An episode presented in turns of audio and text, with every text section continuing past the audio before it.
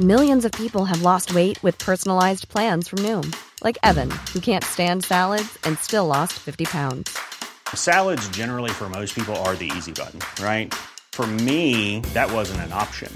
I never really was a salad guy. That's just not who I am. But Noom worked for me. Get your personalized plan today at Noom.com.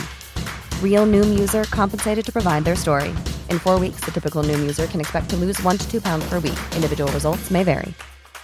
A lot can happen in three years, like a chatbot may be your new best friend. But what won't change? Needing health insurance. United Healthcare Tri Term Medical Plans, underwritten by Golden Rule Insurance Company, offer flexible, budget friendly coverage that lasts nearly three years in some states. Learn more at uh1.com. Millions of people have lost weight with personalized plans from Noom, like Evan, who can't stand salads and still lost 50 pounds. Salads, generally, for most people, are the easy button, right? For me, that wasn't an option. I never really was a salad guy. That's just not who I am. But Noom worked for me. Get your personalized plan today at Noom.com. Real Noom user compensated to provide their story. In four weeks, the typical Noom user can expect to lose one to two pounds per week. Individual results may vary. Gjenklang.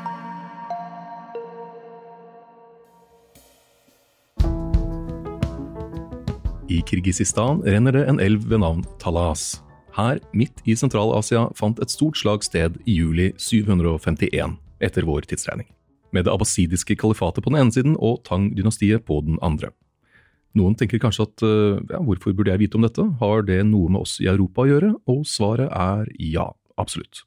Det snudde på verdensmaktens balanse, og det var også en kultur- og kunnskapstransaksjon som skulle bidra til å forme verden til slik vi kjenner den. Velkommen til Historier som endret verden. Med oss for å snakke om slaget ved Talas har vi Bjørn Bandlien, professor ved Universitetet i Sørøst-Norge. Velkommen. Tusen takk. Etter Mohammeds død i år 632 etter vår tidsregning, begynte den arabiske ekspansjonen virkelig å slå til, og det var flere kalifater etter hvert. Så de ønsket da å ekspandere veldig? Ja, det kan man jo si. Altså, hovedformålet var nok å stanse ekspansjonen fra øst, altså fra Tang-dynastiet fra Kina. Eh, Abbasidene de hadde jo ikke makten eh, i eh, det arabiske eh, verden, den arabiske sivilisasjonen, det første århundret etter Muhammad. Det var et annet kalifat, et annet dynasti, umayyadene, som hadde kontrollen eh, etter Muhammads død og fram til eh, midten av 700-tallet. Så abbasidene de var et dynasti, de var i for så vidt i familie med mange av umayyadene, men tilhørte en annen klan. Og de hadde på en måte blitt posisjonert eller plassert eh, lenger øst i den islamske sivilisasjonen. Eh, hovedsetet var jo Damaskus på denne tiden, mens abbasidene da hadde ansvaret for områdene i Sentral-Asia. Og Det betydde at det var de som hadde måte, det militære ansvaret for å stanse den kinesiske ekspansjonen vestover. Og, og disse, dette Tang-dynastiet de var veldig interesserte da i å ekspandere vestover? Ja, altså de er jo på en måte det, det siste dynastiet som hadde ambisjoner om ekspansjon. I hvert fall nesten fram til vår tid, kan man jo si. Kina har jo vært kjent i, i, mange århundrer for å ha eh, på en måte latt verden være fri og være eh, orientert mot det kinesiske kjerneområdet. Unntaket er vel mongolene. Men det er nettopp eh, ved dette slaget, ved Talas, der eh, Tang-dynastiet blir stoppet, og der det blir Tang-dynastiet eh, på en måte taper, kan man si. Men utfallet blir en fredsavtale. Eh, og en åpning av Silkeveien, og som nok også eh, gavnet eh, Tang-dynastiet, og, og, de så seg nok fornøyd wow. med den avtalen da fra, eh, fra 751 og utover. Men dette Tang-dynastiet, hvem eller hva var de? Hvordan var de i størrelse og makt, f.eks., for eksempel, i forhold til abbasidene eller ja, altså i hvert fall sammenlignet med den islamske sivilisasjonen, så kan de ha vært nokså jevnbyrdige. Så dette slaget blir jo altså det, I dag så er jo dette ganske øde området, ganske fjernt fra verdenssentrene eh, i vår tid. Eh, men det er jo på en måte dette møtepunktet og en slags sånn eh, hva skal man si, et slags oppgjør, en måling av eh, maktforholdene mellom Midtøsten, Sentral-Asia, vestlig Sentral-Asia og det østlige Sentral-Asia og, og, mot Kina. Så utgangspunktet er nok ja, at man er nokså gjenbyrdige, men at vektskålen faller på abbasidene. Men det som er abbasidenes si, utfordring, det er jo at de egentlig ikke har makten Eh, sentralt, i hvert fall ikke i utgangspunktet. For det er det jo fremdeles umayyadene som har. Men denne seieren gjør jo at de får et veldig militær slagkraft. De får et overtak. Og skyver da umayyadene, uh, si, sine rivaler, unna Midtøsten. Så umayyadene de trekker seg vestover mot det vestlige Nord-Afrika og dagens sørlige Spania. Så de får liksom ja. Cordoba, det blir deres hovedstad uh, i vest. Mens abbasine da etablerer seg i dagens Irak, altså med Bagdad som en av de viktige byene. Samarra og Raqqa er også en av de virkelig viktige byene. Men dette stedet, Talas, det er da Du sa det var veldig øde sted, men det er det langs Silkeveien. Hvorfor akkurat her? Ja, det er en, eh, en, elv som går der, og sånn som jeg oppfatter det, så er det en type grense, altså en naturlig eh, grense. Altså enten er det den elven, eller så er det et, eh, en elv som blir enda lenger vest, eller enda lenger øst. Så det blir på en måte en, eh, en, et naturlig sted å, å, møtes, tross alt. Og det er jo i hvert fall en forgrening av Silkeveien. Og det som på en måte vokser fram etter 751 og på slutten av 700-tallet utover 800-tallet, det er jo uh, det som etter hvert blir ganske en, si, en gjensidig nytte. Uh, og, og, økonomisk profitt i, det er jo denne handelen med eksotiske varer. Varer som man ikke hadde i Midtøsten, og i hvert fall ikke i Europa på denne tiden. Og i Europa så har man jo det er jo akkurat samtidig at man begynner å få et, et eh, stort rike i Vest-Europa. Etter mange århundrer med litt sånn mindre eh, småkongedømmer og litt splittete politiske enheter. Men det er jo nettopp på 750-760-tallet at karolingerne vokser seg sterke, med da Karl den store som den absolutt mektigste og, og virkelig et høydepunkt i, eh, i vesteuropeisk eh, tidlig middelalder. Og hadde denne, hadde denne Hadde dette slaget en effekt på hans dynasti også, holdt på å si? Hans land? Ja, altså det er ikke umiddelbar sånn at det har en direkte eh, konsekvens at det karolingiske riket i Vest-Europa vokser fram. Eh, men man kan si at det har en mer sånn indirekte betydning. Fordi det som eh, blir et aspekt av eh, abbasidenes kalifat når de etablerer seg i Bagdad og dagens Irak, det er at de får kontroll over sølvgruvene i dagens Afghanistan. Mm. Og det er enorme rikdommer som da flommer fra eh, Afghanistan-området, Sentral-Asia, og til eh, Bagdad. Og så mynter man dette, preger mynten. Og denne, eh, eh, denne mynten, dette sølvet, det flommer nordover opp mot Det kaspiske hav, Svartehavet, de russiske elvene opp mot Østersjøen og videre til det karolingiske riket.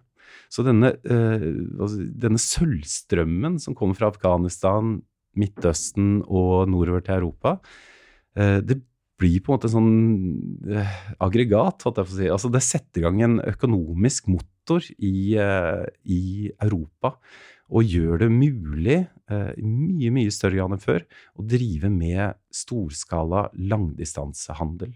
Dette med å bruke sølvet som betalingsmiddel, det er noe helt annet enn å, ja, for å sette på spissen, da, å bytte en ku ja, mot et sverd. Ja. Det er litt sånn tungvint. Men hvis man har sølv som man kan smelte eller veie, så kan man bruke det som betalingsmiddel overalt. Det er som å ha et uh, mastercard. altså uh, Utrolig uh, tilgjengelig og brukbart og, og verdifullt og, uansett hvor man kommer. Men hadde man ikke sølv i Europa før dette? Altså, Noe er det, men ikke, ikke de enorme mengdene. Det var så mye i Afghanistan, altså? Ja, de sølvgruvene er, de var store. Uh, og de varer jo fram til ja, midten av 900-tallet. Da begynner de å tørke ut. Um, og da slutter den sølvstrømmen å komme til Europa. Da får man en ny prosess og overgang til, til middelalder. Men på slutten av 700-tallet og begynnelsen av 800-tallet så, ja, så er flommen stor. Og du Altså, én ting er liksom norske myntfunn og sølvfunn i uh, vikinggraver og skattefunn, men ser man på Gotland, der man har en sånn type veikryss mellom de, sant, de russiske mm. elvene og, og Østersjøen og, og, mot Skandinavia og, og Vest-Europa. Altså, Der finner man jo nærmest en skatt i uka. Altså, Nå setter jeg på litt på spissen, men jeg tror det er noe sånn som en million mynter. Hæ? Og I tillegg så har du alle disse armringene, halsringene, som er smelta sølv, ikke sant. Altså der man på en måte eh, flasher, viser fram hvor mye rikdom eh, som finnes. Og mye av disse sølvbarene, sølvringene, det kan være opprinnelige mynter som, eh, som man rett og slett eh, mer bruker som eh, ja, visuelle, synlige tegn på rikdom. Da. Var det andre ting enn sølv som ble ført over fra den ene siden til den andre?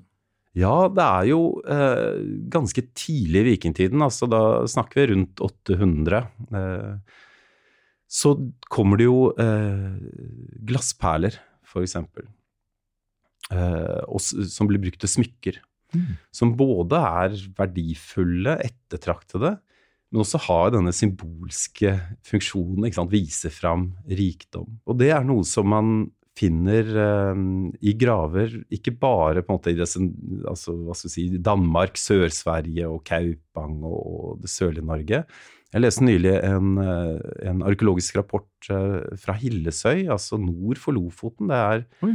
nær Karlsøy og Tromsø. Tidlig 800-tallsgrav med eh, glassperler fra Sentral-Asia. Så dette kommer veldig Oi. raskt til, til Skandinavia og følger handelsveien helt nord, så langt det bor gårdsbosetning. da. Man hadde ikke glassproduksjon i Europa på den tiden i det hele tatt? Eller kunnskapen om det? Man hadde nok eh, eh, noe glassproduksjon i eh, Sør-Europa, men den type perler, okay. Eh, det er noe som, eh, som kommer langveisfra. Et annet eksempel kan være ja, Oseberghaugen. Det er jo den rikeste og mest fantastiske og ikoniske graven som vi har, med to kvinner inni og et fantastisk skip og utrolig mange flotte gjenstander.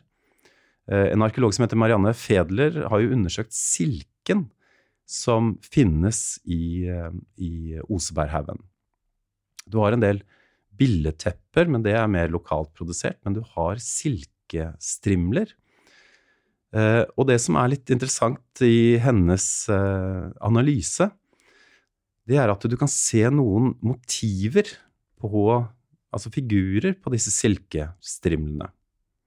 Og ja, vi husker jo alle at uh, Oseberghaugen den er fra 834. Du kan datere gravkammeret på skipet nøyaktig. Så 834, da er vi fremdeles i veldig tidlig vikingtid. Mm -hmm. Men disse motivene på silkestrimle, det er på en måte sånn firkanter i hvert fall på en av de så er det en fugl som har noe som ser ut som en lampeskjerm i nebbet. Men det er altså ikke en lampeskjerm, det er en krone. Dette har sammenheng med myter som man finner i Sentral-Asia. Der er denne fuglen med en krone i nebbet noe som finnes i eh, fyrstepalasser eh, og i mausoleer, altså gravkamre, i områder som Bukhara og Samarkand. Og myten går ut på at den første herskeren i disse områdene, dette er det samanidiske eh, dynastiet, altså emirer som er i utgangspunktet under abbaside-kalifene i Bagdad. Disse emirene får kronen sin, altså fyrsteverdigheten, gjennom en ja, stork, kan man kalle det, som ikke kommer med en baby, men med en krone i nebbet, og utvelger eh, den første herskeren i eh, dynastiet. Hm. Så dette er en type symbolikk som kanskje ikke ga så mye mening på Oseberg, utpå det jordet nord for, eh, for Tønsberg. I hvert fall har ikke blitt tolket på samme måte som i Samarkand og Bukhara langs Silkeveien. Men det er i seg selv en sånn um, gjenstand som må ha byttet hender veldig ofte. Og Marianne Fedler uh, har flere eksempler på denne type strimler, altså der det er silkekledninger eh, som er blitt kuttet opp, og der hver strimmel er brukt som et betalingsmiddel i Kaukasus og oppover eh, disse handelsrutene mm. nordover mot Østersjøen og Skandinavia. When you're ready to pop the question, the last thing you want to do is second guess the ring. At Bluenile.com, you can design a one of a kind ring with the ease and convenience of shopping online. Choose your diamond and setting. When you find the one, you'll get it delivered right to your door. Go to Bluenile.com and use promo code LISTEN to get $50 off your purchase of $500 or more. That's code LISTEN at Bluenile.com for $50 off your purchase. Bluenile.com code LISTEN. Planning for your next trip? Elevate your travel style with Quince. Quince has all the jet setting essentials you'll want for your next getaway, like European linen, premium luggage options, buttery soft Italian leather bags, and so much more. And is all priced at 50 to 80% less than similar brands. Plus, Quince only works with factories that use safe and ethical manufacturing practices. Pack your bags with high-quality essentials you'll be wearing for vacations to come with Quince. Go to quince.com slash pack for free shipping and 365-day returns. A lot can happen in the next three years. Like a chatbot may be your new best friend. But what won't change? Needing health insurance. United Healthcare Tri-Term Medical Plans are available for these changing times.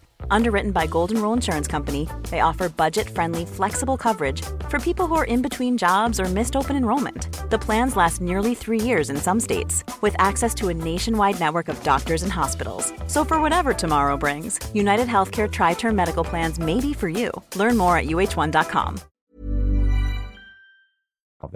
Men, altså, er, vi snakker jo vanvittige avstander.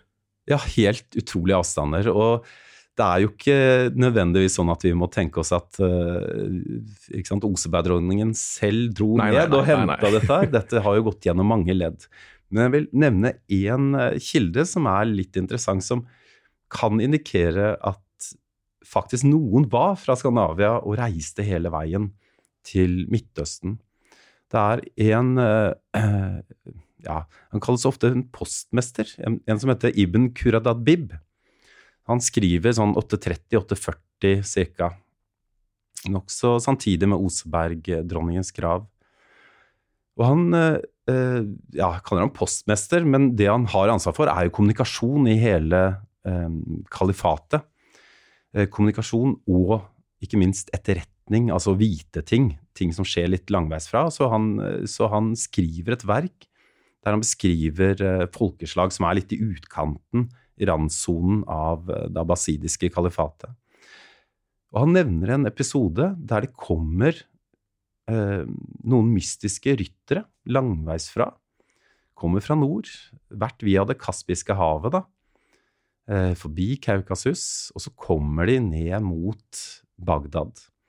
Og de gir seg ut for å være kristne. De later som de er kristne, for det er mye lettere å drive handel da, som fremmed hvis man er av bokens folk, altså jøder, kristne. um, har en helt annen status enn en, eh, altså si, vanlige hedninger. Men han har fått høre da, uh, via noen kilder at disse som kom på besøk, de er fra det ytterste nord. Og de bare later som om de er kristne bare for å uh, lettere kunne drive handel og bytte varer. Og han nevner jo også dette her med slavehandel. Hvordan de fanger slaver, kanskje i Irland, i de kristne Vest-Europa, de slaviske områdene. Og det er kanskje den største måte, salgsvaren de har. Og tilbake så får de da enorme mengder med sølv. Det er også noen skinnvarer som de har med seg da helt ned til Bagdad. Omfanget av denne handelen, og hvor mange som faktisk dro hele veien fra Skandinavia til Bagdad, det er vanskelig å vite. Så Men- ryttere også, ikke båt engang? Nei, altså han sier jo at de rir jo på kameler. De har jo skaffa seg noen kameler et eller annet sted i Kaukasus, og, og, og tar den siste biten da på kamelryggen, altså. Så fra Kaspiske havet så har det, ned til Kaspiske havet så har de nok brukt båter. Og så har de fått eh, litt hjelp og leid seg en, eh, en kamel.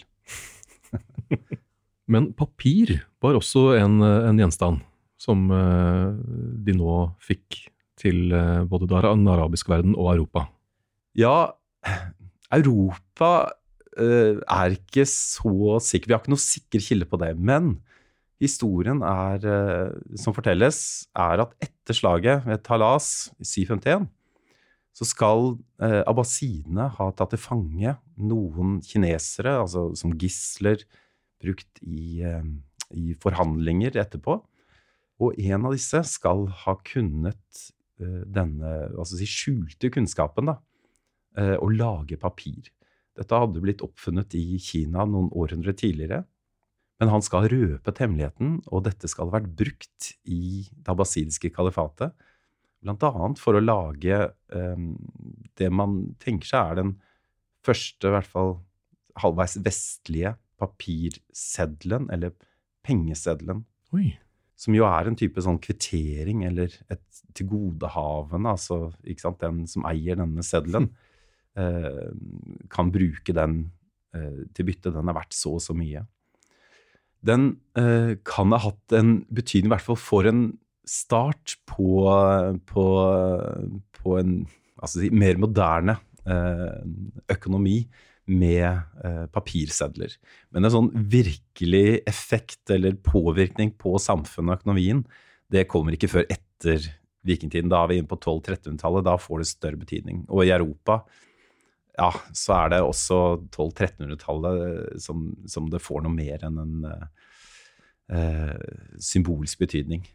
Ja, jeg tenker at hvis man ser på silke, da, som eh, Kina tviholdt på veldig lenge, eh, og tjente sikkert veldig store summer på, så eh, ja, jeg bare ser for meg hvor, om, eh, hvor lenge de kunne hatt tviholdt på papirteknologien før den ble stjålet. Ja, det er jo interessant å, å, eh, å kunne spekulere litt på det.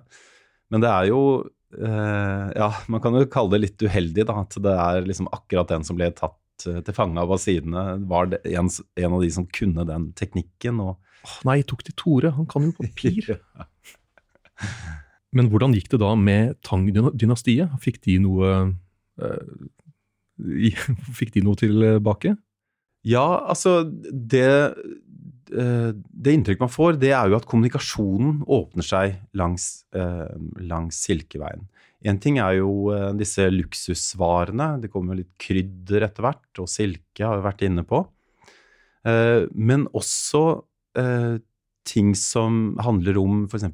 jordbruk og hagedrift. Jeg så på en, en kilde nå som, eh, som handler om en som dro fra Irak og til Kina og, og lærte bort eh, en del om planter. Altså hvordan bruke det i medisin og hvordan dri- drive kjøkkenhager. Veldig Ah. sånn hva skal jeg si, basiskunnskap og litt sånn hverdagslig på en måte. Men likevel veldig fascinerende, for han tar med seg jo da planter som, eh, som kan dyrkes også i, eh, i Kina.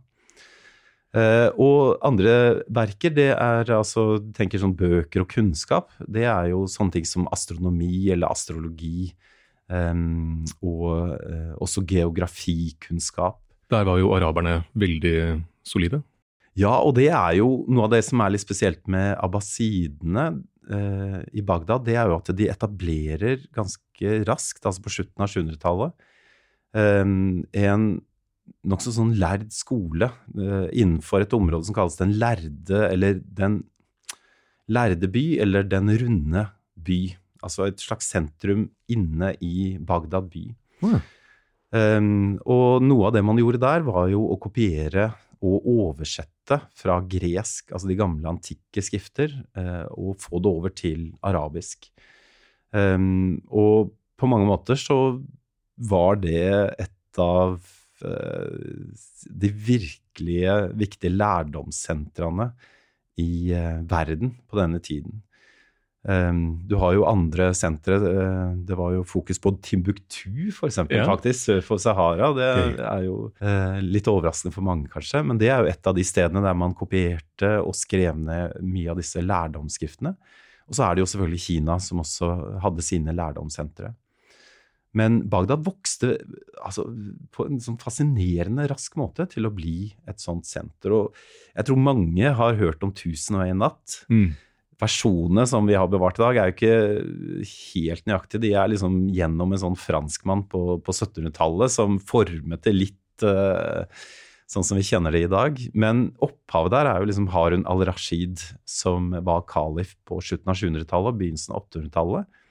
Og som fremsto som en eh, kulturelt og delvis også økonomisk og politisk overlegen fyrste, sammenlignet med de europeiske. Selv Karl den store hadde nok respekt for Harun al-Rashid eh, i Bagdad. Og de hadde jo også diplomatiske eh, forbindelser. Um, og det gjaldt nok særlig handel. Mest berømt er vel kanskje den elefanten som Harun al-Rashid sendte til Karl den store som en gave, og som på begynnelsen av 800-tallet faktisk ble satt inn Altså, dette var en stridselefant. Så den ble jo satt inn i kamper mot daner og skandinaver, faktisk, i Frisland, altså i dagens Nederland. Så det er faktisk mulig at det er noen vikinger som ble, fikk seg en liten overraskelse når de eh, gikk i land eh, i Nederland eh, på begynnelsen av 1800-tallet. Jeg hadde snudd så fort. Tenk deg viking, du hopper ut av båten og blir «Hei, Oi, det var en elefant. Eh, Eller, man vet jo ikke hva det er. Det er en gigantisk skikkelse. Jeg stikker. Men det er jo Ja, hva skal man si? Altså, hva, hva var det de trodde så?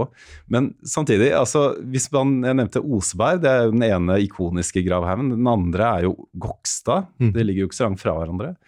Der fant man ikke noe elefant, riktignok, men man fant jo to påfugler. Hæ? Det er eh, helt uh, fascinerende hvordan de har kommet seg hele veien til Gokstad. Den graven er jo fra begynnelsen av 900-tallet.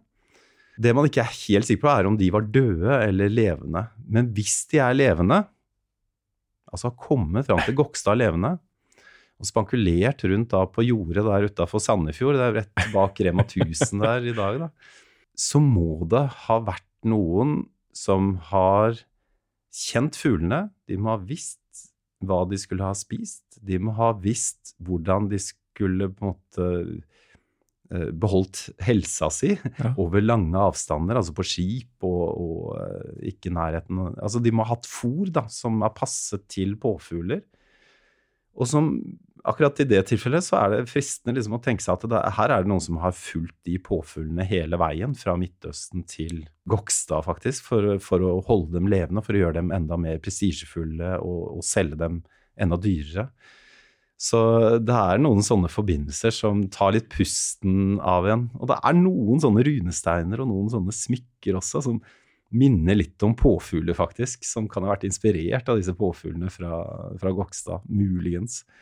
Så det, det setter sånne avtrykk etter seg. altså Én ting er liksom det sølvstrømmene, som har liksom sånne store, fundamentale og sånn dype konsekvenser.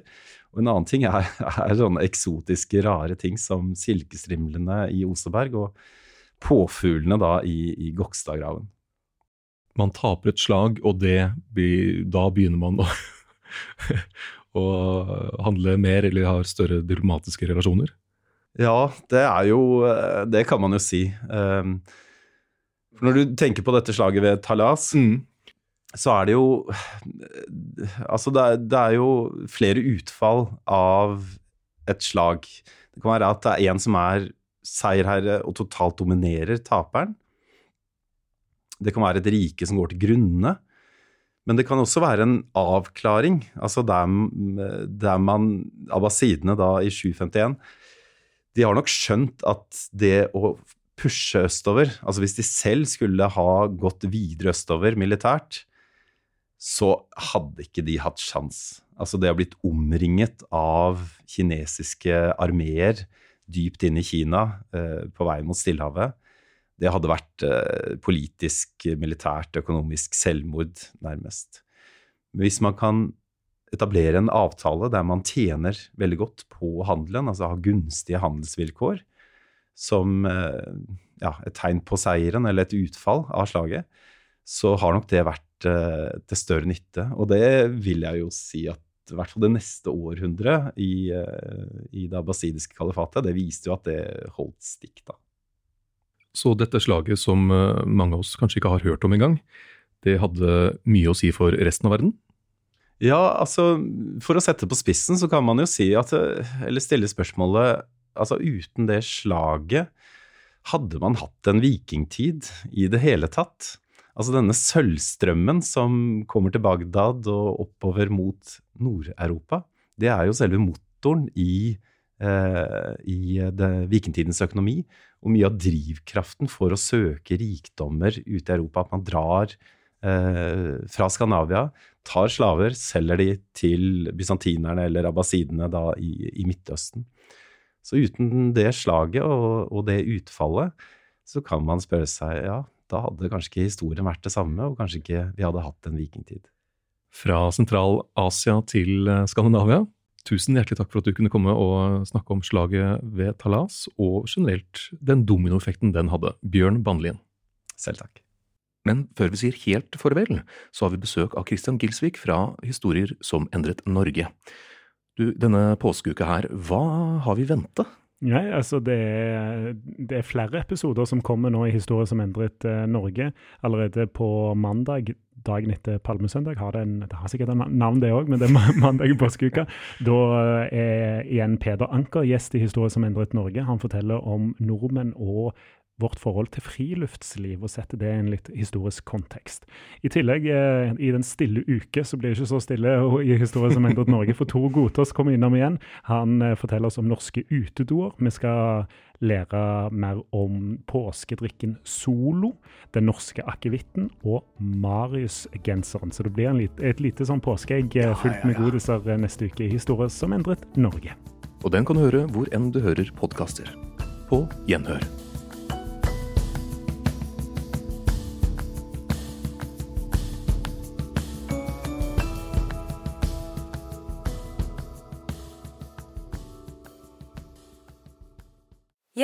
想。